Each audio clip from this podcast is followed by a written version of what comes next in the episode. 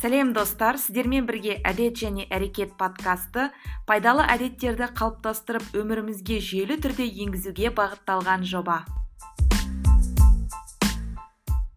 Зерке ары қарай жалғастырайық. Өзіңіз айтып өткендей 19 елде болдым дедіңіз. Осы болған 19 елдің ішінде қай елге қайтадан барғыңыз келеді? Және ол елден қандай бір ерекше дүние көрдіңіз? Оны қазақстанда мүмкін қолданып көретіндей деген сияқты. Мүмкін біздің елде де сондай болса ғой деп сондай бір мемлекетіңіз бар ма? Сізге бір қатты әсер қалдырған? Мен төрт рет па бес рет па болсам да әлі де барудан бас тартпайтын ел бар. Ол түркия. Жалпы ол қазақтар бәріне жақын сияқты ол ел. Өйткені түркия жан жақты оның қанша аймағы болса сонша түрлі. Яғни стамбул мүлдем бөлек әлем басқа аймақтары мүлдем бөлек теңіздің жағалауы басқа. Сол үшін мен түркияның әлі көп жерін көргім келер еді. Және стамбулға да қайтадан үшінші рет төртінші рет па тағы да барсам оның ол қаланың жаңағы әдемілігіне ерекшелігіне көз тоймайды менің ойымша сондықтан қайтадан барар едім сол түркияны айт, айтар едім мен жалпы шетелде тұруға қарсы адаммын андай қарсы дегенде қалай баяғыда баяғыда мен қатты шетелде тұру деген мен үшін мүмкін емес жаңағыдай. Мен өзімді тек қазақстанда елестетемін деп сондай ойдағы адам едім бұрын. Бірақ саяхатқа көп шыққан сайын өзіңді дамытуға белгілі бір тәжірибе жинауға өмірлік тәжірибе жинауға шетелде тұрып немесе білім алып жұмыс істеп қайтуға болады екен деген пікірім өзгерді. Бірақ әрине жаңағы өмірің соңына дейін белгілі бір мерзімге. Соның ішінде мен тұра алатын ел түркия деп санаймын. Өйткені өйткені көп елде мен мысалы америкада да болғанда екі рет америкада болдым. Менің көп достарым бар. Америкаға бір бар келсе мен сол жақта тұрғым келеді америкаға көшемін деп кәдімгідей соны бүкіл өмірінің арманы қылып алатын адамдарды жиі кездестіремін мен. Бірақ мен мысалы американы қанша американың көп штаттарын көрдім араладым өмір салтын көрдім. Бірақ барып қыдырып қайтуға күшті да бірақ мен ол елде тұрмас едім дегендей ғой. Сол үшін өзімді елестететін ел сол түркия сосын маған грузия мен әзірбайжан қатты ұнайды. Ә, мен ол елдерде екі реттен болдым. Бір андай өзіне тән бір колориті бар м ерекшелігі бар тарихын жаңағы ескі сәулетін сақтай білген елдер. Кішкентай болса да сол өзінің бар қазынасын байлығын сақтап соны әлемге көрсете білген елдер. Сол үшін маған ә, грузия мен әзірбайжан қатты ұнайды. Және менің ойымша ә, кез келген сапардан ең күшті әсер қалдыратын бірінші кезекте ол адамдар. Неге түркия грузия әзірбайжанды мен ерекше мен үшін жылы. Өйткені ол жақта мейірімді адамдарды көп кездестірдім. Жалпы бір нәрсе ізде бір жерді іздеп жүрсең де тіпті танымайтын адамды жаңағы дастарханына шақырып қонақ қылу деген сияқты нәрселерді мен осы елдерде көрдім. Қандай көмек керек болсын танымайтын адам болсын ол танитын адам болсын қонақжайлық таныту жылы сөз сөйлеу жүзіңе күліп қарау деген нәрселер осының барлығын мен осы елдерден көрдім. Сол үшін де шығар. Бірінші кезекте жаңағы керемет ғимараттардың сондай бір туристік жерлердің болуы емес бірінші кезекте сол мейірімді адамдардың әсері деп ойлаймын қайтадан сол жаққа еліп тұратын. Иә келісемін осы түркия болсын әзербайжан болсын ол жақтарда енді қызмет көрсету болсын адамдардың иә бір біріне қарым қатынасы болсын ерекше сондай жылылық сыйлайды. Келесі сұрақ ұлттық брендтер жайлы. Өйткені мен сіз арқылы көп қазақстандық қазақстан мемлекетінде шығарылатын өнімдерді көріп кәдімгідей қуанып жатамын және сіз көбінесе ұлттық брендтарды қолдап жүресіз? Бұл енді өте керемет деп ойлаймын. Және мен бір байқағаным сізде жарнама өте аз. Енді көбінесе андай өзіңіз тексеріліп сондай нәрсені ғана ұсынасыз. Сұрағым келгені осындай сізге бір жарнама ұсынысы келген кезде қандай белгілі бір критерияларыңыз бар ма? Және сондай ұлттық өнімге деген махаббатыңыз жайлы айтып кетсеңіз. Енді біздің отандық өндірушілерге ерекше ықыласымды байқағаныңызға қуаныштымын. Өйткені мен шынымен білмеймін бір енді он он бес жыл болған шығар кем дегенде қазақстанда жасалған деп тұрса мен ерекше бір соған нем ауып тұрады қызығушылығым. Қазір бірақ соңғы кезде киім жағынан болсын тамақ тамақ жағынан болсын таңдаудың сондай көбейгені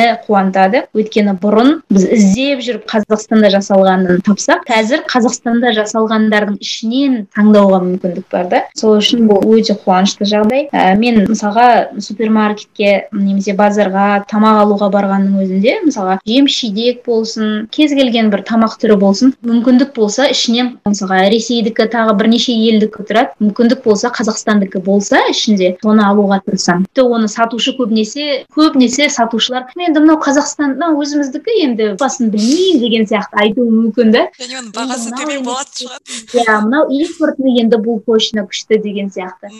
Сатушы өйтіп айтса да мен қазақстандікін алып кетуім мүмкін. Сол үшін негізі адамның жаңағы өз еліне қолдауы сүйіспеншілігі сондай кішкентай нәрселерден байқалатын сияқты. Өйткені көп жағдайда мен андай негатив ойлары көп адамдарды кездестіріп қаламын да кейде ой біздің ел жаңағыдай дамымай біздің билік андай бізде мындай деген сияқты елдегі жағдайды сынап мініздеп сөйтетіндердің сөзін байқаймын. Бірақ бірінші кезекте ел жақсы болу үшін ел даму үшін біз бірінші өзімізден сұрауымыз керек та. Біз біз не істеп жүрміз? Жарайды мықты керемет ғалым болмай ақ қой мықты саясаткер болмай ақ қой. Бірақ сен жай қарапайым осы елдің азаматы ретінде осы елдің дамуына дамуына кішкентай болса да қандай үлес қосып жүрсің деген сияқты сұрақ. сондықтан менің ойымша біздің отандық өнімді сатып алғанымыз оны мүмкіндік болса инстаграмға салып басқалар да алсын деген бір жақсы кеңес беруіміз соның өзі біздің елдің дамуымызға бір кішкентай кішкентай бір миллиметрлік қадам болса да бірақ үлесін қосады деп ойлаймын. Осы әңгімеміздің басында сөйлестік қой жаңа сіз мен анамның дүкені бар екенін айтып жатсам осыдан бес алты жыл бұрын дүкен ашамын деп. Негізі анам үйде көп жылдан бері бізді тәрбиелеп сол үй шаруасында үйде қонақ көп болады солармен айналысып жүретінмін бірақ осыдан бес алты жыл бұрын қой енді мен үйде отыра бергенім болмас мен өзім бір нәрсемен айналысқым келеді деп мама сөйтіп айтты. Бірақ нақты немен айналысатынын білмеді да бірақ мама айтты нақты не сататынымды білмеймін деді. Бірақ бір білетін нәрсе мен қазақстанда жасалған нәрсені сатамын деді да сөйтіп сондай шешім қабылдады бірден. Сосын өзі әртүрлі жолдарын қарастырып осылай қазақстанда жасалған жасалған аяқ киімдерді іздестіре бастады сөйтіп бастап кетті кәсібін. Мен шынымды айтсам осыдан қай жылы? 2019 жазында анам ә, бір жәрмеңкеге қатысты ақтөбе қаласындағы жәрмеңкеге. Сол жерде мен дәл сол кезде үйге демалысқа бардым жазғы демалысқа. Анам енді шаршайтын болған соң көмектесемін деп шештім. Өзімнің саудада еш тәжірибем жоқ.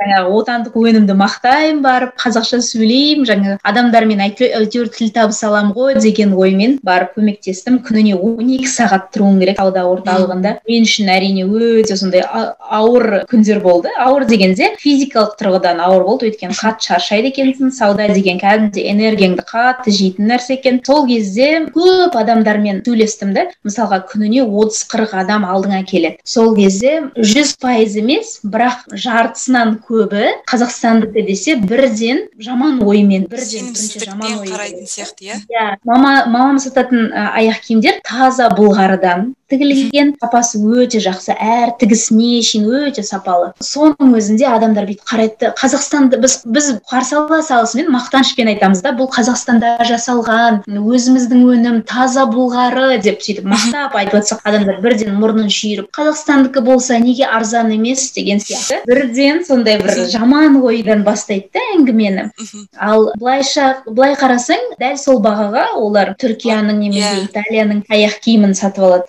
Сапасы одан да жаман аяқ киім сатып алуы мүмкін шетелдің. Бірақ білмеймін неге екенін сондай көпшілікте сондай көзқарас бар отандық. Сосын енді бұл отандық өнімге қатысты бір нәрсе. Екінші нәрсе ұлт нақыштағы киімге қатысты. Мен осыдан шамамен бір он жылдай бұрын бастадым күнделікті былай кию киюді. Немесе бір өзіміздің бір спорттық жарыстарға барып ки сондай кәже киімді киіп жаңағы камзолымды киіп барады ол жақта шетелдіктер болатын иә өзіміздің спортшылар бар. Сол кезде осыдан енді он жыл бұрын осылай айтатын маған мен мысалға халықаралық жарысқа барсам қазақстанда өтіп жатқан қазақтар маған былай айтады. Назерке сен бүгін не жүргізушісің ба? Или сен бүгін билейсің ба? Сахнаға шығасың ба? деген сияқты. Ұлттық киім тек сахнамен сондай бір тек сахналық жаңағы образда сақталып қалған да адамдардың несінде санасында. Сондай болатын. Мен жоқ деп сөйтіп түрлі ренжіп қалатын. Неге мен былайынша кие алмаймын қазақша киімді дегендей? Ал шетелдіктер дәл сол мысалы дәл сол жарысты дәл сол күні шетелдіктер керісінше маған келіп жаңағы сырға формағамды көріп камзолымды көріп ой не деген әдемі мынау сендердің ұлт киімдерің ба? Өте әдемі екен бұл нені білдіреді? Қалай аталады деген сияқты шетелдіктер қатты қызығушылық танытатын сол кезде мен таң қалатын екі түрлі көзқарас өзіміздікілер керісінше айтады.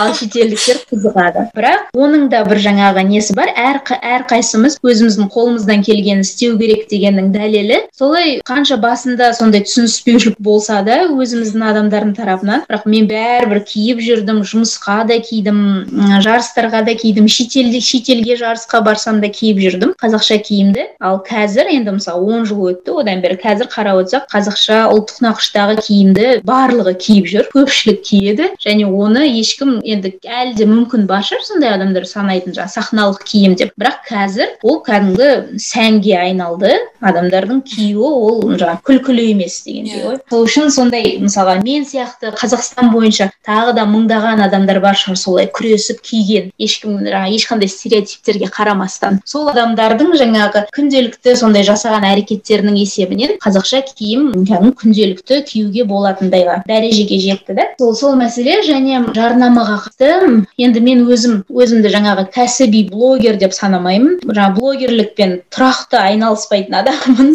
Өйткені менің жаңағы алматыда өзім жақсы араласатын достарым бар құрбыларым бар блогерлер. Соларды блогерлер деп айта аламын. Өйткені олар күнделікті өзінің контентімен жұмыс істейді жоспар құрады бір, бір айға алдын ала жоспар құрады. Мындай пост шығарамын визуалы мынандай болады парақшамның мынандай текст жазамын. Сосын мен осындай аралықта осындай онлайн мастер класс өткіземін деген сияқты. Өзінің жаңағы смм маманы болады уже аудиториясы үлкейген сайын. Сол сияқты өзінің нишасы нақты таңдалған сондай блогерлікті кәсіп қылып соған тұрақты және ауқымды жұмыс жасап бірінші кезекте және содан дәл сондай жаңағы несін фидбегін алып жатыр олар. Яғни қаржылай содан табыс та тауып жатыр және танымалдығы да артып жатыр дегендей мен блогерлікпен соншалықты айналыспаймын. Өйткені менде жүйелі контент жоспар жоқ. Мен ондай контент жоспар бойынша шығармаймын посттарды. Өзім қашан шабытым келеді қашан көңілім түседі сол кезде жазамын посттарды. Сосын сториске де мысалға күнделікті не күнделікті істеп жүрген нәрсем егер нағыз блогерлер барлығын жиырма төрт сағат бойы мысалы түсіре береді не бір нәрсе істеп жүрсе.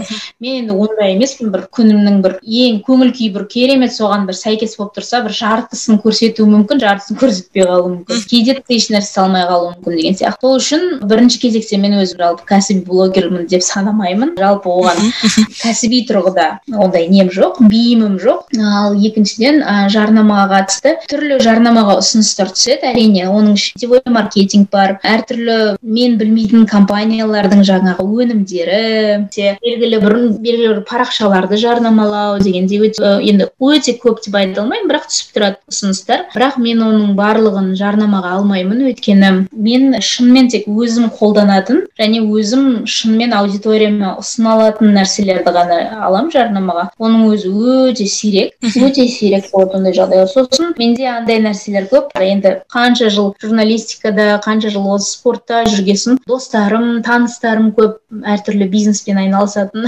солардың өтінішімен солардың өтінішімен жасалатын жарнамалар менде жиі шығады. Өйткені досым енді хабарласып осылай назерке сенің аудиторияңа осыны не істеп бер жарнамалап берші деп осындай бастамамыз бар еді деп досың хабарласып тұрғанда оған негізі жоқ дей алмайсың. Бірақ негізі андай кәсіби тұрғыда егер қарайтын болсаң кәсіби көзқараспен онда әрине мен жоқ деуіме болар еді. Бірақ менде жаңағы мен ондай не кәсіби тұрғыда жүргізбейтін болатын менде көбінесе жаңағы андай адамгершілік достық немен қараймын. Қарап сосын сол достарыма достарыма жарнама жасап беретін кездер жиі болады. Ал былайынша негізі егер мүмкіндік болса сол менің аудиториям шынымен менің мен ұсынғанда жаңағы эксперттік көзқарасы бар. Назерке айтса демек осы нәрсе жақсы дейтіндей заттарды ғана жарнамалай аламын да мен. Ол көбінесе ол менің парақшамда ол көбінесе сол ұлттық нақыштағы киім әшекей сосын сол отандық өнімдер сосын спортқа қатысты дүниелер. өйткені мені спорт журналисті осы спорт туралы білсе назерке білет дегендей оймен ойда да адамдар сол үшін.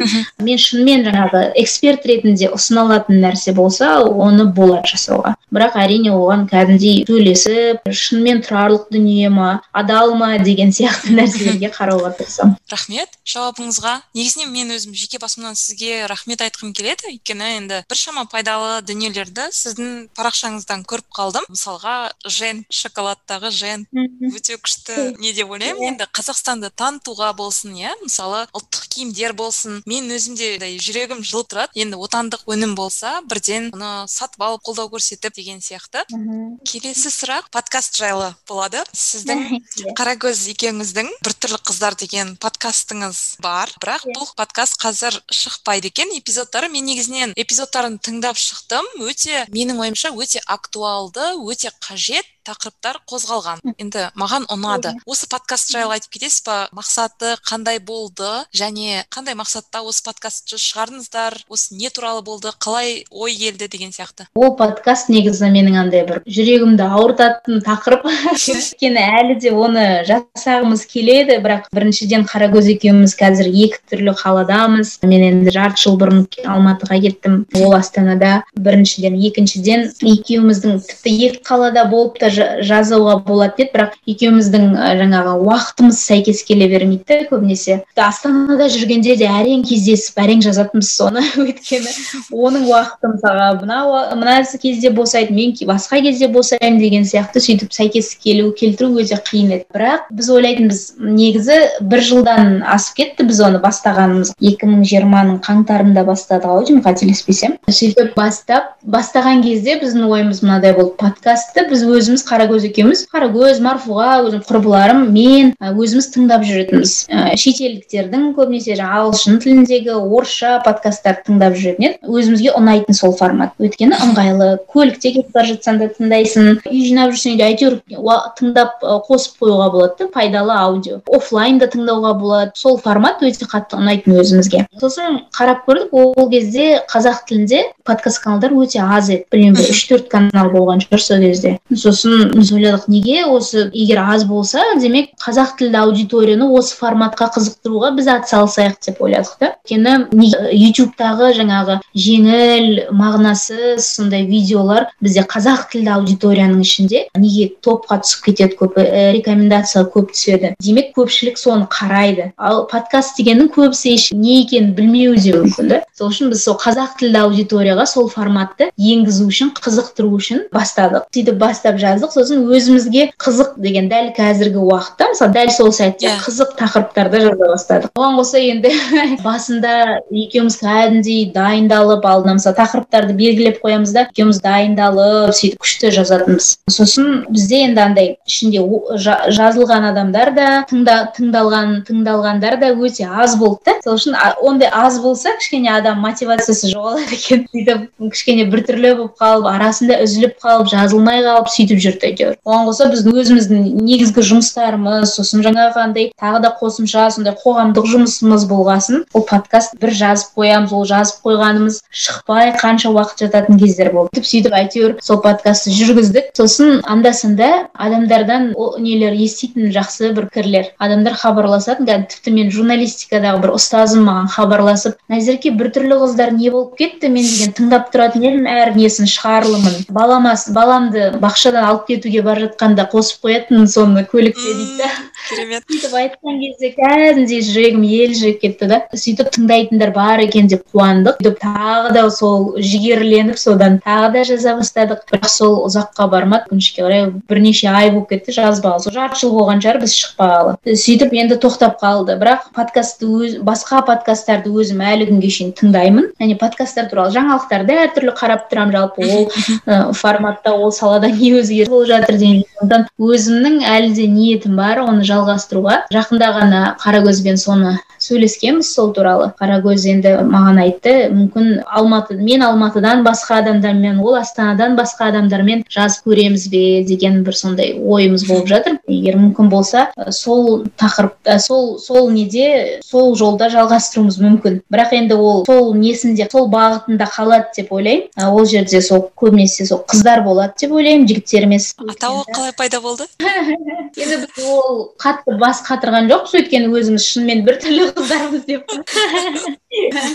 жалпы өмірімізде сен сен осы біртүрлісің иә деген сөз фразаны көп естиміз да өзімізге қарай өзіміздің адресімізге қарай сол үшін біртүрлі қыздар деген таңдау қиын болған жоқ шынымен енді біртүрлілік деген ол жаман мағынада емес біртүрлі деген біз жалпы кез келген нәрседе өмірімізде бір нәрсе жасағанда біртүрлі болып көрінуіміз мүмкін да көп адамға өйткені стандарт стандартқа сай емес бір yeah. Иә. шешімдер қабылдап басқалардың стереотипінен тыс сондай бір нәрселер істеп жүрдік студент кезімізден. Сол үшін жалпы өмірімізде шынымен қаракөзде мен де естіп үйреніп қалғанбыз осы қыз біртүрлі иә деген сияқты сондай нәрсе андай енді самоирония ғой бір бірімізге біз біртүрлі қызбыз ғой енді давай біртүрлі қыздар деп. Маған подкаст ұнады маған подкаст ұнады. Мен пікірімді қалдырамын міндетті түрде осы подкаст жайлы. Подкастта негізінен жақсы жақсы тақырыптар қозғалды. Соның бірі қаракөз екеуіңіздің бір миллион долларым болса не істеймін деп армандағандарыңыз маған өте енді қызық болды. Мен өзім ол сұрақты ойлап көрмеппін бұрындары. Мен де өзім ойлана бастадым сол подкастты тыңдап жатып менің бір миллион долларым болса не істер едім деген. Сіз сол жерде енді бірнеше вариантты айттыңыз менің сұрап тұрғаны сол арманыңыздың ішінде біреусі қалды ма? бір бір арманды айта аласыз ба? қазір сізде қандай арман бар? егер бір миллион доллар ақшаңыз болса не істейтін едіңіз? енді соншалықты көп уақыт өтіп кетті мен есімде жоқ сол кезде не айтқаным?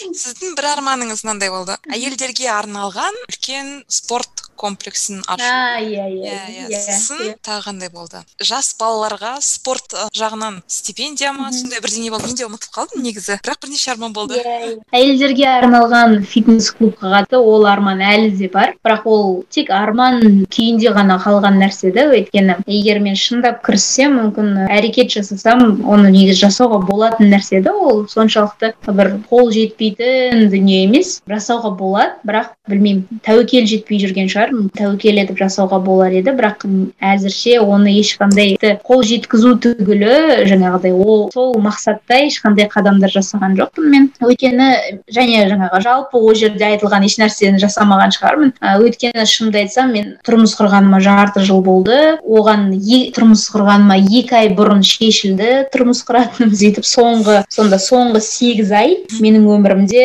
мүлдем басқаша бұрын болмаған кезеңді кешіп жатырмын мен қазір. Және ол эмоционалдық тұрғыда менің сез, ішкі сезімім және жалпы күнделікті әр күнді өткізуім дегендей жаңа күн тәртібім мен шейін қазір менде мүлдем басқаша. Сол үшін менде бір қазір мен кішкене шығармашылық тұрғыда жалпы жұмысым жаңа жаңа идеялар жүзеге асыру жағынан осы соңғы бір екі айда ғана өзіме өз қалпыма қайтып келіп жатырмын. Оған дейін менде андай бір қалай айтсам болады бір меніңше бұл қалыпты жағдай қалыпты жағдай иә бір андай приоритет өзгерді да басқа нәрсеге мысалы енді? Бұрын андай үйде ешқандай мысалға кейбір қыздар мысалы тұрмыс құрғаннан кейін өз карьерасын басқа жасап жүрген жобаларын тоқтатып қоюы мүмкін да оның себебі жаңа үйіндегілер күйеуі немесе енесі қарсы болғандығы болуы мүмкін да оны тоқтатуына. Менде ондай себеп жоқ. Менде аллаға шүкір. Керісінше менің жаңа семьям керісінше мені қандай бастамамда да қолдайды. Мені мақтан тұтады кәдімгідей саған сенеміз депті. Бұйырса болашақта бала туғаннан кейін сенің ойларыңды жүзеге асыруыңа толықтай қолдау көрсетеміз деп отқан жандар. Шынымен аллаға сан шүкір маған мені осындай отбасыға түсіргеніне. Бірақ менің андай бір эмоционалдық жағдайым сондай болған шығар осы. Тұрмыс құрғалы өйткені мен андай басымды қатырып жаңағыдай бір нәрселер жазып бір нәрсе істегім келген жоқ. Андай жай ғана осы сәтті осы кезеңнің жаңағы ләззатын алып жай ғана рахаттанып жүргім келді жаңағы. Жолдасыммен қол ұстап қыдырып дегендей андай орыстарда сөз бар ғой бір проживать дейді ғой. Проживать этот момент иә. деген сияқты сондай сияқты. Иә иә. Әр адамда сондай иә өйткені кезең болу керек оның тағы оның тағы бір себебі бар деп ойлаймын. Мен жалпы өзім қатты трудоголик болған адаммын да кезінде. Екі мың сол талай университетті бітірдім. Студент кезінде де жұмыс істедім бірақ нақты университет бітіргеннен кейінгі басталған жұмысым сол осы сегіз тоғыз жыл мен өте қатты жұмыс істедім да. Бір бір уақытта мен үш төрт жұмысты қатарынан алып жүрген кездерім болды. Және ол андай ең қызығы ол мен андай өзімді қинап жаңа ақша табуым керек деген жұмыс деп жұмыс істеген жоқ шынымен содан рахаттандым. Өзіме ұнайтын шынымен энергиям соншалықты тасыған ғой енді сол кезде. Ә, соншалықты өз саламды жақсы көргенмін. Мен сол сала, салаға деген спортқа деген спорт журналистикасына деген ә, махаббатым мені солай жігерлендірген шығар енді солай күш берген. Сөйтіп мен өзіме өзімнің жеке өміріме де өзімнің жеке қызығушылықтарыма еш нәрсеге қарамай мен жұмыспен өмір сүргенмін. Ә, сосын содан да болар деп ойлаймын. Жаңағы сондай ұзақ уақыт мен көп жұмысқа өзімнің бүкіл энергиямды уақытымды арнағасын. Менде жаңағы анау выгорание деп айтады ғой сондай выгорание болған шығар. Өйткені мен бір бір уақытта бір сәтте мүлдем жұмыс туралы ойлағым келмей қалды да. Өйткені мен тым көп бір кезде тым көп өзім де не істедім өзімнің де бір бөлігімді соған сол жұмысқа бердім. Жұмыстан да тым көп өзіме өзімнің жеке өміріме тым көп жұмысты енгізіп жібердім да олардың арасында шекарасы болмады. Сондықтан да деп ойлаймын соншалықты көп жылды ә, аралықты жұмысқа арнағасын менде бір андай өзіме демалуға рұқсат бердім да сол үшін негізінен бұл маған таныс жағдай. иә. Бұл маған таныс жағдай. Осы жазда менде сондай жағдай болды. Андай ешкіммен сөйлескім келмей ештеңе істегім келмейді тіпті де ә, кітап оқығым да келмеді сондай жағдай болды қазір енді құдайға шүкір yeah. Иә. бәрі жақсы жаңа біз иә. әйелдерге арналған спорт клубы деп айттық қой мен осы иә. тақырыпты yeah. біраз жалғастырғым келіп тұр негізінен сіз астанада болған кезде неше түрлі наурыз болсын рамазан айы болсын неше түрлі шаралар өткізетінсіз және осы 2020 жылы карантин кезінде бір марафон да өткіздіңіз иә тегін сонымен қатар yeah. астанада бір андай не болады иә кітап клубы болатын мен бірақ сол клубқа бара алмадым. Өйткені yeah. сағат кешкі бесте басталатын мен ол кезде әлі жұмыста болатынмын. Сондықтан сол клубқа негізі барғым келді бірақ сәті түспеді. Енді сұрақ мынандай да осы негізінен айтады ғой әйел адамдар енді бір біріне қолдау жасау арқылы бір бірімен араласу арқылы бір біріне энергия береді дейді да. Осы жайлы айтып кетесіз бе осындай бір енді сізге қарасам сондай бір жылы атмосфера жасап жүресіз құрбыларыңыздың арасында болсын сондай басқа қыздарға да бір иә қолдау көрсетіп жүресіз. Осы жайлы айтып кетесіз ба енді ол бірінші кезекте өзіме қатты ұнайтын нәрсе еді. Білмеймін неге екенін. Менің құрбыларым таңқалатын назерке сен мен болсам осыған басымды қатырып осыған уақытымды құртып жүрмес едім дейді. Да сол ол мысалға бір нәрсені ұйымдастыру солай шараны адамдардың басын қосу кейбір адамдарға сондай қиын көрінетін ше. Ал маған керісінше ол мен содан қуаныш сыйлайтын сондай нәрселер маған. Сондықтан да мен оның ешбір қиындығын сезбейтінмін. Қыздарды кеше ғана астана, астанадағы құрбыларыммен сөйлессем айтып жатыр да назерке сенің жоқтығың қатты сезіліп жатыр бұрынғыдай жиналмаймыз бұрынғыдай қызық өтпейді кездесулер деп солай бұрқып жатыр да. Өйткені осы соңғы соңғы кезде біз өзіміздің жақсы бір ортамыз қалыптасқан астанада. Сөйтіп жаңа сіз айтқандай тәуелсіздік күнінде де көп мерекелерде. Әйтеуір ешкім жаңағы күтпей бізге акимат не істеп береді екен немесе тағы біреу не істеп береді екен деп күтпей өзіміз бір бір кафеге болсын бір жерге барып сценарийін құрып бәріміз осылай киінеміз. Осындай нәрселер болады осындай нәрсе өздеріңмен бірге алып келулерің керек сыйлық алып келу керек деген сияқты.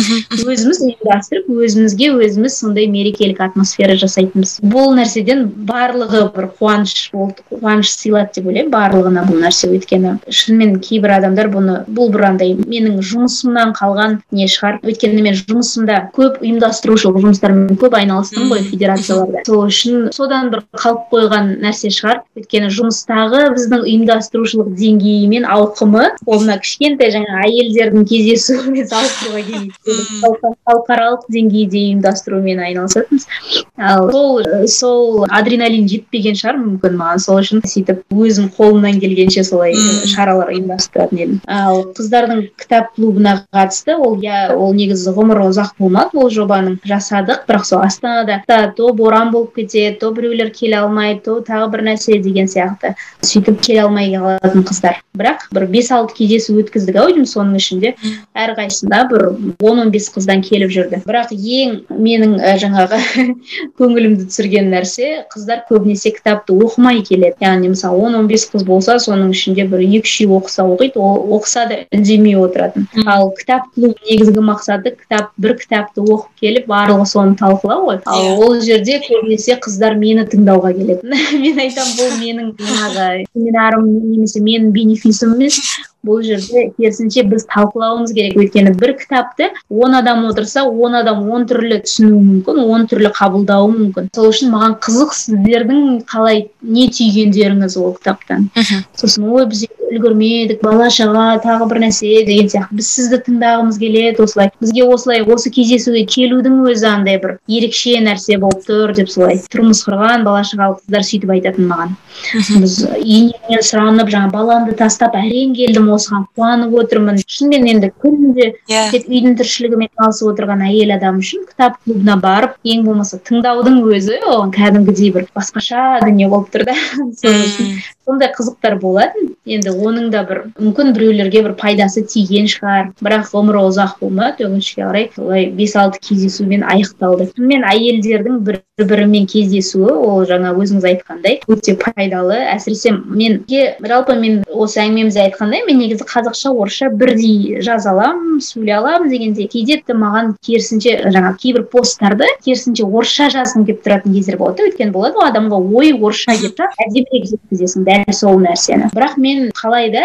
тек қазақша жазамын тек қазақша жазамын. Инстаграмда өйткені қазақ тілді аудиторияның ішінде әлі де белгісіз нәрселер әлі де айтылу керек әлі де түсіндірілу керек нәрселер өте көп екенін байқаймын да. Сол үшін кітап клубының да жалпы біздің кез келген осы уақытқа дейін егер ұйымдастырған болған шарам немесе жобам болса барлығы тек қазақ тілділерге арналған болады да. Өйткені ол қазақ тілділер бұл кемсіткен немесе төмендеткен емес керісінше сол қазақ тілділердің ішінде мен бір көмектесе алатын мен жаңа ақпарат беретін жаңа білім бере алатын мүмкіндік болса соны пайдалануға тырысамыз да. Сол үшін нақты жалпы әйелдер емес қазақ тілді әйелдер деп айтқан дұрыс болады қазақ тілді қыз келіншектерге арналған жобалар еді. Өйткені барынша андай тұрмыстық тақырыпта тақырыппен шектеліп қалмаса екен дейсің. Барынша өзін дамытып тұлға ретінде өзін дамытса екен дейсің. Сол үшін енді жасырып несі керек? Барлығымызға белгілі нәрсе қазақ тілді ортада әлі де жаңағы кемшін тұстар әлі де көп нәрсені білмейтіндей жайттар өте көп. Бірақ қазір аллаға шүкір соңғы екі үш жылда қазақ тілді ортада әсіресе әйелдер қатты жаңа білім алуға құштарлығы артып өздерін дамытуға сондай жаңағы оны инстаграмнан ақ байқап жүрміз. Өзін дамытып әртүрлі нишада өзін көрсетіп жүрген әйелдер өте көп қуантады сол. Сізбен толықтай келісемін. Негізі бұл жерде бір құндылықта жатқан сияқты. Қазақ енді қазақ тілді аудиторияның сондай бір сауатты болуына көп нәрсені білуіне және де сіздің осындай пайдалы дүниелерді көрсетіп үлгі болып жүргеніңіз де мен үшін енді керемет бастама керемет үлес деп ойлаймын. Өйткені мысалы енді мен қарап отырамын да шараларды бір көремін ғой. Мысалы тәуелсіздік күні болсын наурыз болсын. Енді бір жағынан иә бір біріңізге сыйлық бересіздер. Ол жерде керемет атмосфера да менің ойымша бұл басқа адамдарға да үлгі мен үшін мысалы үлгі. Бұны өз отбасыңда да жасап көргің келеді. Жаңағы достарыңмен жасап көргің келеді деген сияқты. Сондықтан рахмет сізге осындай шараларды үлгі етіп көрсетіп жүргеніңізге және қазақ тілінде иә бұл өте маңызды деп ойлаймын. Мен сіздің ниет деген бағдарламаға қатысқан қазақстан телеарнасы сияқты иә қателеспесем сол бағдарламаны көрдім және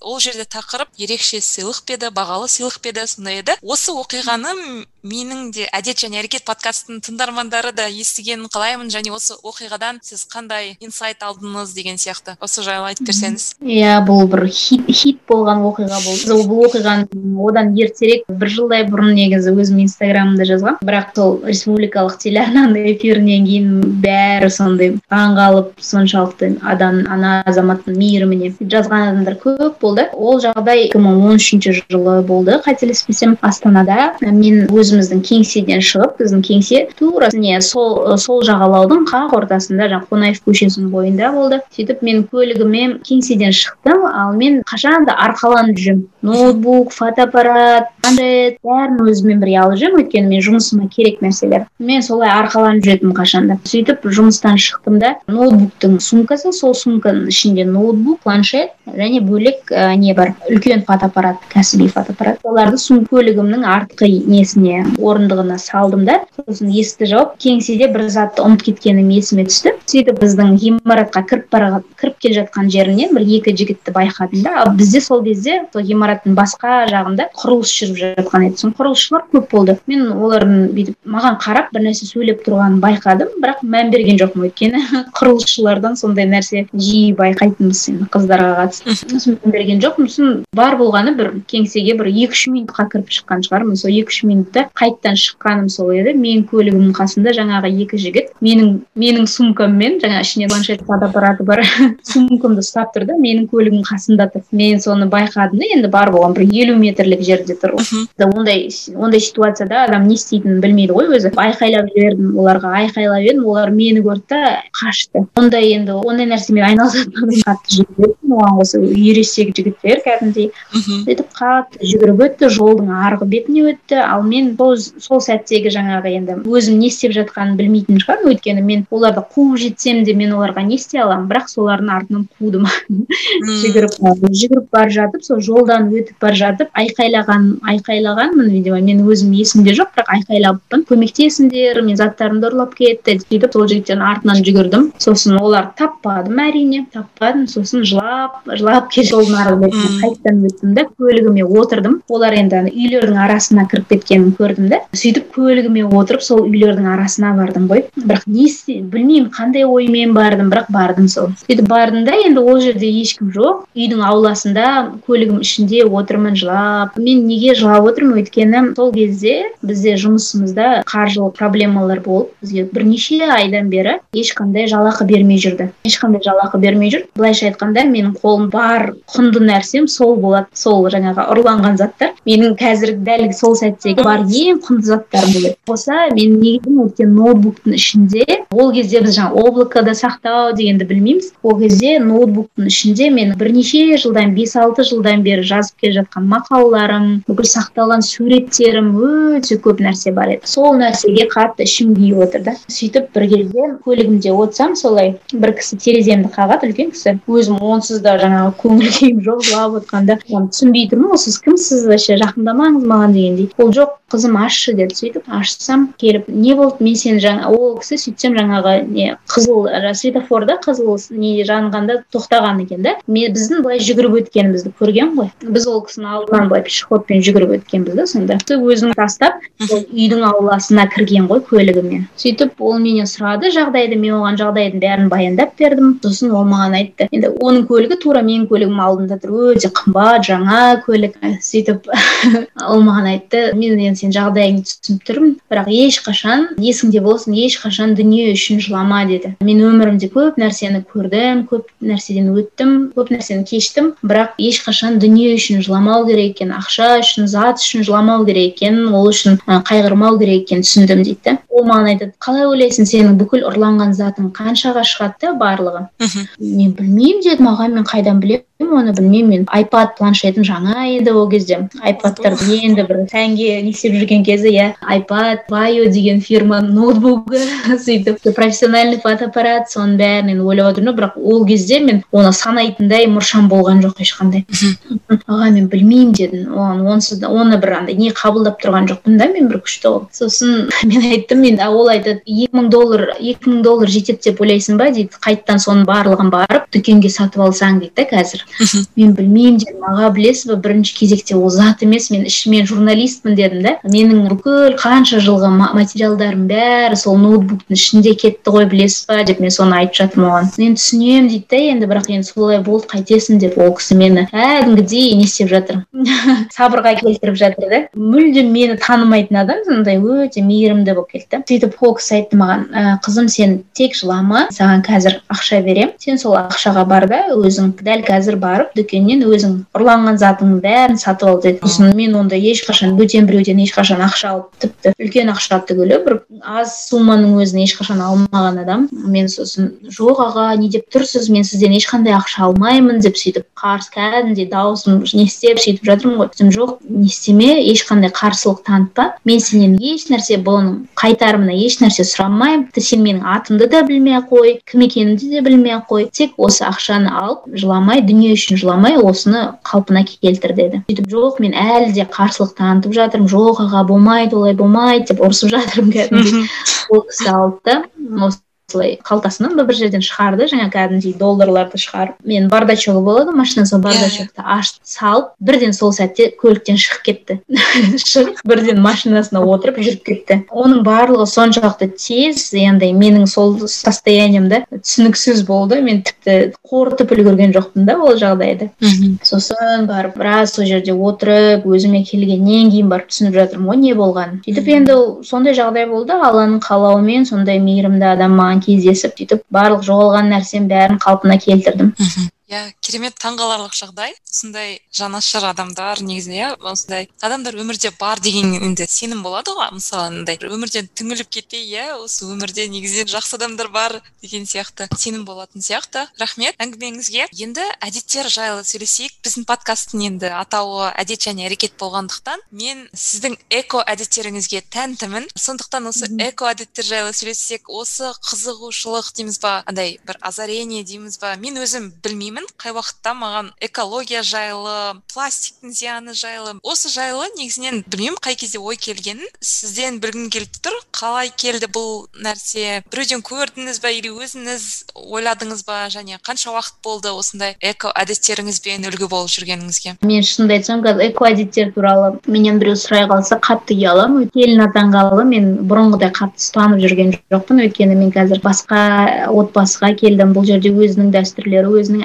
әдеттері бар деген сияқты. Сол үшін мен бірден жаңағы бұрынғыдай толықтай барлығынан бас тартып оны жалғастырып жүрмін деп айту қиын маған қазір оны енді өтірік айтпайын. Бірақ жалпы мен эко әдеттер ұстануда болсын кез келген әдетті кез келген жаңалықты бір өміріңе енгізуде болсын бір түсінген нәрсем бірден фанатик болып кетуге болмайды. Бірден жаңағыдай өмірімді толықтай өзгертіп болды мен жаңағыдай толықтай барлығынан бас тартып мен эко не боламын деген сияқты. Андай олай жасауға болмайды екен өйткені yeah. ол адамға психологиялық тұрғыда өзіне қатты тиеді екен мен өзім жалпы эко әдеттерді бастауға бірден жаңағыдай сіз айтқандай ондай озарение болған жоқ. Менде керісінше білмеймін бір соңғы жылдары енді ол ә, сол шетелдік шетелдік телеарналарды шетелдік газеттерді көп қарағандықтан шығар. Менің ойымша өйткені оларда дамыған елдерде бұл тақырыптың қозғалып жүргеніне көп жыл болды. Олар кәдімгідей күнделікті өміріне енгізіп тастаған оның барлығын. Сол ә, шетелдіктерді көп оқығанынан шығар.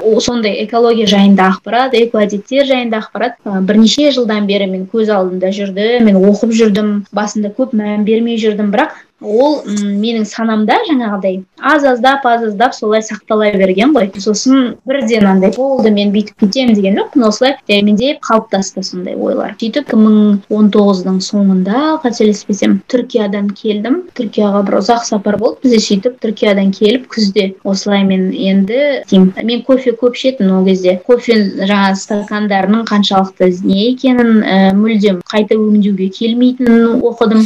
Сөйтіп кофе бірінші кезекте сол кофе стакандарынан бас тарттым. Өзіме жаңағы кофеге арналған стакан сатып алдым арнайы. Сөйтіп кофейняларға тек сол стаканмен баратын болдым. Егер кофейняда ұзақ отырамын десем сол жердің стаканына құйдыртамын енді старбакс көбінесе баратын. Сөйтіп сол жерде отыратын болсам жаңағы керамикалық кәдімгі стаканға құйдыртып аламын. Ал егер өзіммен бірге алып кететін болсам өзімнің стаканыма құйып аламын. Сол өзімнің стаканыма құятын кезде көп адамдар маған бүйтіп қарайтын қызық. Ана стаканым әдемі андай розовый түсті бүйтіп жиналады сондай. Адамдар бүйтіп қызық қарайтын ше андай көрініп тұрады енді түсінбей тұрған не екенін сөйтіп қызық қызық қарайтын жаңағы баристалардың өзі таңғы мен өзім стаканыма құйып беріңізші десем а деп осылай түсінбей қалатын көбінесе сөйтіп мен сол эко әдеттерді стаканнан бастадым. Сосын пакеттерді кішкене азайттым. Пакеттер жаңағы нелерді әртүрлі андай кішкентай кішігірім қапшықтарды жаса не сатып алдым. Сосын жаңағы дорбалар өзімде онсыз да көп еді менде дорбалар сол дорбаларды қолдандым. Сөйтіп соны негізі ол бізде оңай емес екен оны жасау. Өйткені мысалға базарға барсам базарға барып мысалы жеміс жидек алатын болсам енді өзімнің немді әлі міне мысалға мен маған мына сары алмадан беріңізші деп айтып үлгермеймін сол сәтте жаңағы полиэтилен пакетін шығарып алып салып жатады да сатушылар. Жатырмыз апай менде өзімдікі бар деп үлгермеймін да сөйтіп әйтеуір алмастырып өзімдікімен салып береді да. И апайлар сөйтіп кәдімгідей немене бұл? Бір нәрсе деп біреулер ренжитін біреулер керісінше менің сөйтіп айтқаныма жоқ менің пакетіме салыңыз дегенге мә мына қыз кәдімгідей ренжиді ғой бір нәрсе деп андай сондай бір не жағдайлар болатын. Сосын мама мама папам астанаға келіп солар сол кісілермен бірге базарға бардық. Олар да басында енді бірден мен де сол кезде бір қатты андай фанат болып жүрген кезім ғой. Болды мен ешқандай пластик деген мүлдем болмау керек үйде дегендей.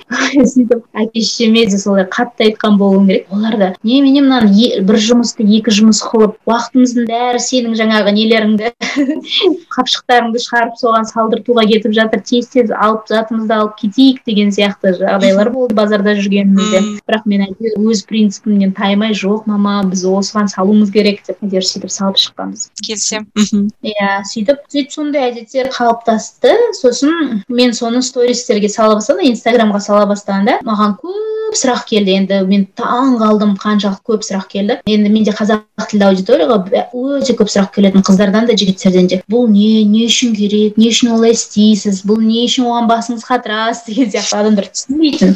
Сөйтіп мен түсіндім көзім жетті жаңағы қазақ тілді аудитория экология тақырыбынан мүлдем ешнәрсе хабары жоқ екенін хабары жоқ және оның жалпы бұл әдеттердің не үшін керек екенін де түсінбейтін. Сөйтіп менде жаңағы таза бол деген парақша ашу идеясы келді. Сөйтіп ол жерде эко заттар да бар. Оның бірінші мақсаты ол жерде. Ол эко заттармен ешқандай бір байып кетпейсің ақша таппайсың. Жай ғана ол парақшаның басты мақсаты сол қазақ тілді аудиторияның эко сауатын ашу болды. Сөйтіп мен қарапайым нәрселерді жаза бастадым. Пластиктен не үшін бас тарту керек? Пластиктен бас тартудың бес қадамы деген сияқты.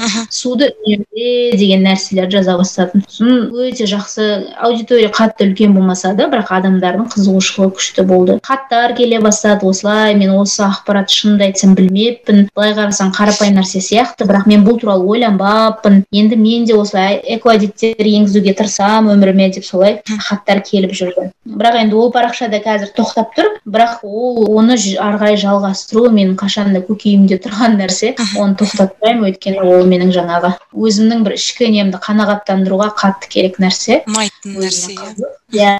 иә сол үшін жалғастырамын бұйырса. Жалғасын тапсын деген тілектемін. Негізінен менің де ондай бір эко әдеттерді ұстануыма көп уақыт бола қойған жоқ. Көбінесе теңіз тамшыдан құралады дейді ғой. аз да болса бір нәрсе істеймін да енді.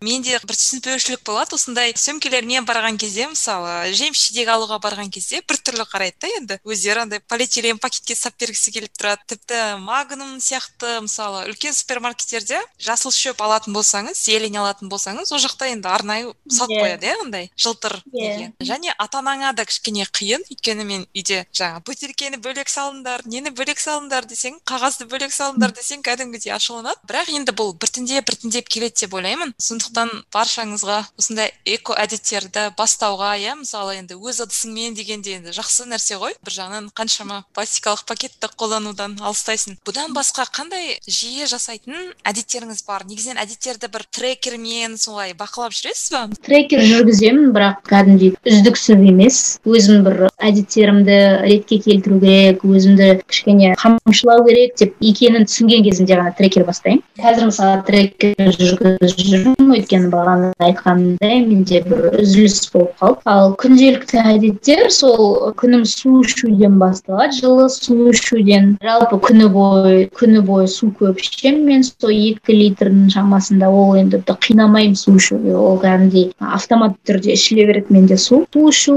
сосын кітап оқу. Қазір жаңа алдында айтқандай тоқтап қалғасын кітап оқуым қазір трекермен күніне елу бет оқимын деп өзіме мақсат қойғанмын соны оқып жүрмін қазір осы қаңтар айында. Бір бір ай бұрын бастағанмын сөйтіп оқып жүрмін. Кітап деген сондай нәрсе ғой бір оқып кетсең кәдімгідей тоқтай алмай оқып кетесің да бір тоқтап қалса иә бір тоқтап қалса тауың қиын болып қалады. Сол үшін қазір енді аллаға шүкір кітапқа нем қайтадан оянып оқып жүрмін бір айдан бері. Жаяу жүру ол туралы біз әңгімеледік жаяу жүру әдетім ол енді бір жылдан асып кетті ол әдетіме қалғандары иманға байланысты құран тыңдау құран оқу және зікір жасау жаңағы салауат бар деген сияқты соларды жасау. Сол сондай әдеттер сосын жаңағы ерте тұру ерте жату өте жақсы әдет. Ол да енді менде өкінішке қарай тұрақты болмай жүр. Бірде қолға алып кәдімгідей жүйелі түрде ерте жатып ерте тұрамын.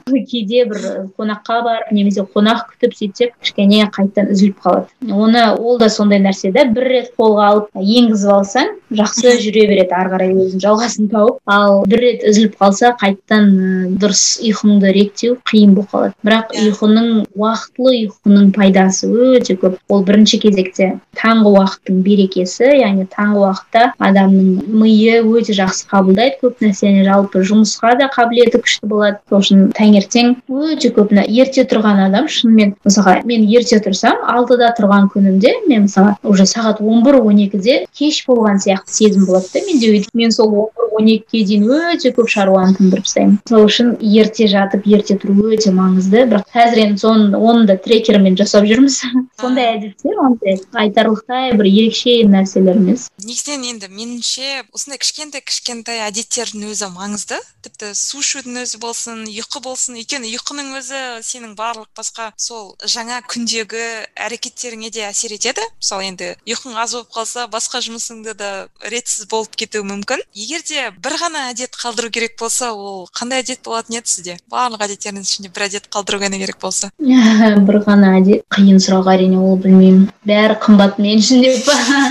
Енді иманға қатысты нәрсені қалдырар едім. Мысалы егер намазды әдет емес кәдімгідей білмеймін. Намазды әдеттер қатарына емес басқа өзін бөлек қарастырсақ намаз ол міндетті түрде қалады бес уақыт намаз. Одан бөлек егер сол жаңағы жоғарыда айтып өткен әдеттердің ішінен таңдау керек болса онда сол иманға қатысты құран оқу деп ойлаймын. аз да болса күнде оқу. Өйткені алпа пайғамбарымыз саллаллаху айтқан ғой аз да болса тұрақты жасалған нәрсе сүйкімді деп. Сол үшін бір мысалы бір рет отырып көп оқып сосын қайтадан бір ай оқымай қойғанша оданша күнде мен мысалы қазір жиырма беттен оқимын күніне күнде жиырма беттен оқыған сол абзал сияқты. Назерке сіз жаңа кітап оқимын деп айттыңыз. Қандай кітап сізге жақсы әсер етті? Және сіз ол кітапты басқаларға да сыйлыққа бере беретін едіңіз. Немесе сол кітаптың басқа да адамдардың оқуын қалайтын едіңіз. Немесе мүмкін қайталап оқи беретін едіңіз. Негізі енді жақсы кітаптар өте көп. Бірақ соның ішінде енді маған қатты әсер еткен кітаптардың бірі ол виктор франклдың сказать жизни да? Мүмкін сіз оқыған шығарсыз сол иә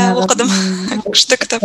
болып иә өзі психотерапевт иә сол кітабы өте қатты маған әсер еткен. Өйткені қазір заманауи психология неше түрлі кітаптар өте көп. Бірақ сол кітапты оқығанда шынымен адамның жаңағы ішіне миына кіріп сондай қиын жағдайда қиын ә, ситуацияда адамдарды танып білуі адамзаттың табиғатын танып білуі енді таңғалдырады. Сол кітап маған қатты әсер етті кеңес берер едім сол кітапты оқуға. Сосын спорт жағынан енді автобиографиялық кітаптар күшті. Ол жалпы спортқа қызықпайтын адам болса да автобиографиялық кітаптарды спортшылардың оқыған өте күшті. Кәдімгідей адамға бір серпіліс береді. Өйткені ол шын оқиға ол шынымен дегеннен қайтпай үлкен жетістіктерге жеткен адамның өмірлік оқиғасы.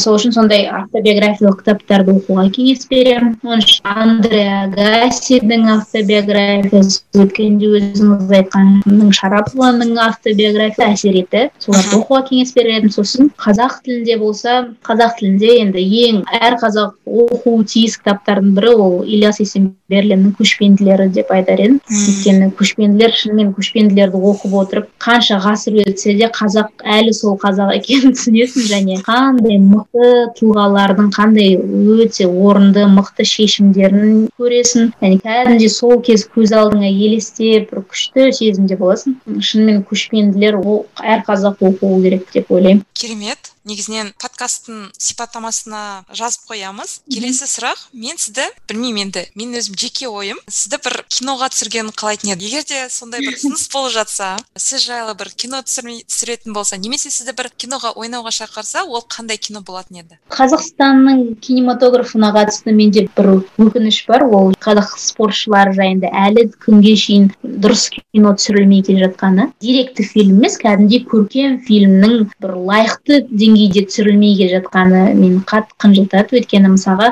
алысқа бармай ақ жаңа шетелдіктерді айтпай ақ көрші ресейді алсақ ресейліктердің өз спортшылары туралы жалпы спорт туралы түсіріп жатқан кинолары қандай мықты қандай әсерлі. Және оны ешқандай сценарийін әрине көркемдейді ғой киноға бейімдейді бірақ дегенмен оның негізінде шын оқиға жатыр да. Ал бізде сондай тұлғалар қандай мықты чемпиондарымыз бар? Олардың өмірі кәдімгідей кино. Кинодан артық болмаса кем емес бірақ сондай тұлғаларымыз жайында әлі күнге шейін бір күшті шынымен көрерменді жылататын бір кинолардың әлі түсірілмей келе жатқаны қатты жүрегімді ауыртады. Менің өйткені мен солардың ортасында жүріп соларды танығасын көп оқиғаларды білемін. Соның әлі таспаланбай жатқаны әрине өкінішті. Егер мені киноға түсіруге шақырса әрине сол спортшының спортшылардың өмірі жайында бір киноға түсірер едім түсер едім қуана. Өзімнің рөлімде.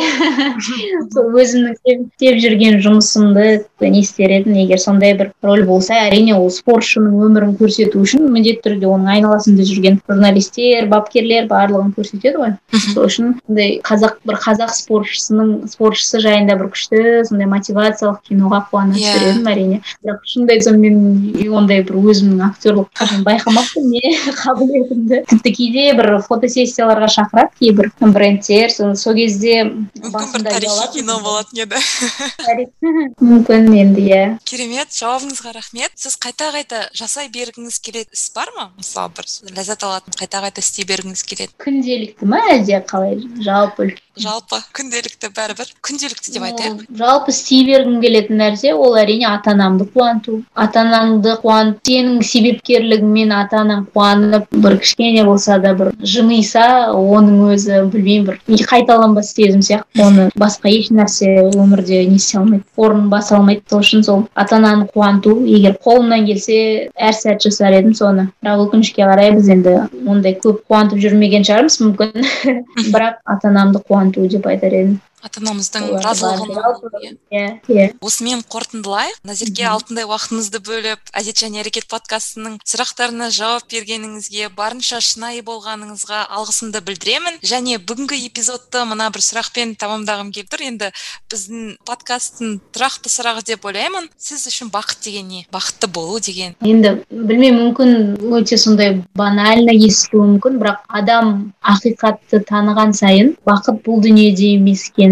Көзі жете береді екен да сол үшін. Иә әрине мен алланың осы өмірде беріп жатқан күнделікті маған беріп жатқан барлық нығметіне шын ризамын және шүкір етемін. Бірақ ең маңыздысы біз шынымен осы өмірден қалай өтетініміз маңызды. Сол үшін шын бақыт ол ә, мұсылманның шынайы бейнесіне сай болу деп ойлаймын. Өйткені сол мұсылманның шынайы бейнесіне былай қарағанда барлық нәрсе кіреді. Оның ішінде ата анаңа да құрмет оның ішінде айналаңа жақсы қарым қатынас оның ішінде шын сөз сөйлеу адал жұмыс істеу мұқтаждарға көмектесу. Соның бар көп нәрсе. Өмірдегі өмірдің бүкіл аспектілері жақсы жағынан алғанда сол мұсылманның шынайы бейнесіне кіріп кетеді. Сол үшін сол шын бақыт сол шығар. Мұсылманның шын бейнесіне сай болу. Рахмет жауабыңызға. Құрметті тыңдарман осы уақыт бойы біздің әңгімемізді тыңдағандарыңызға алғысымды білдіремін. Келесі эпизодтарда кездескен күн жақсы аман есен болыңыздар. Рахмет сізге.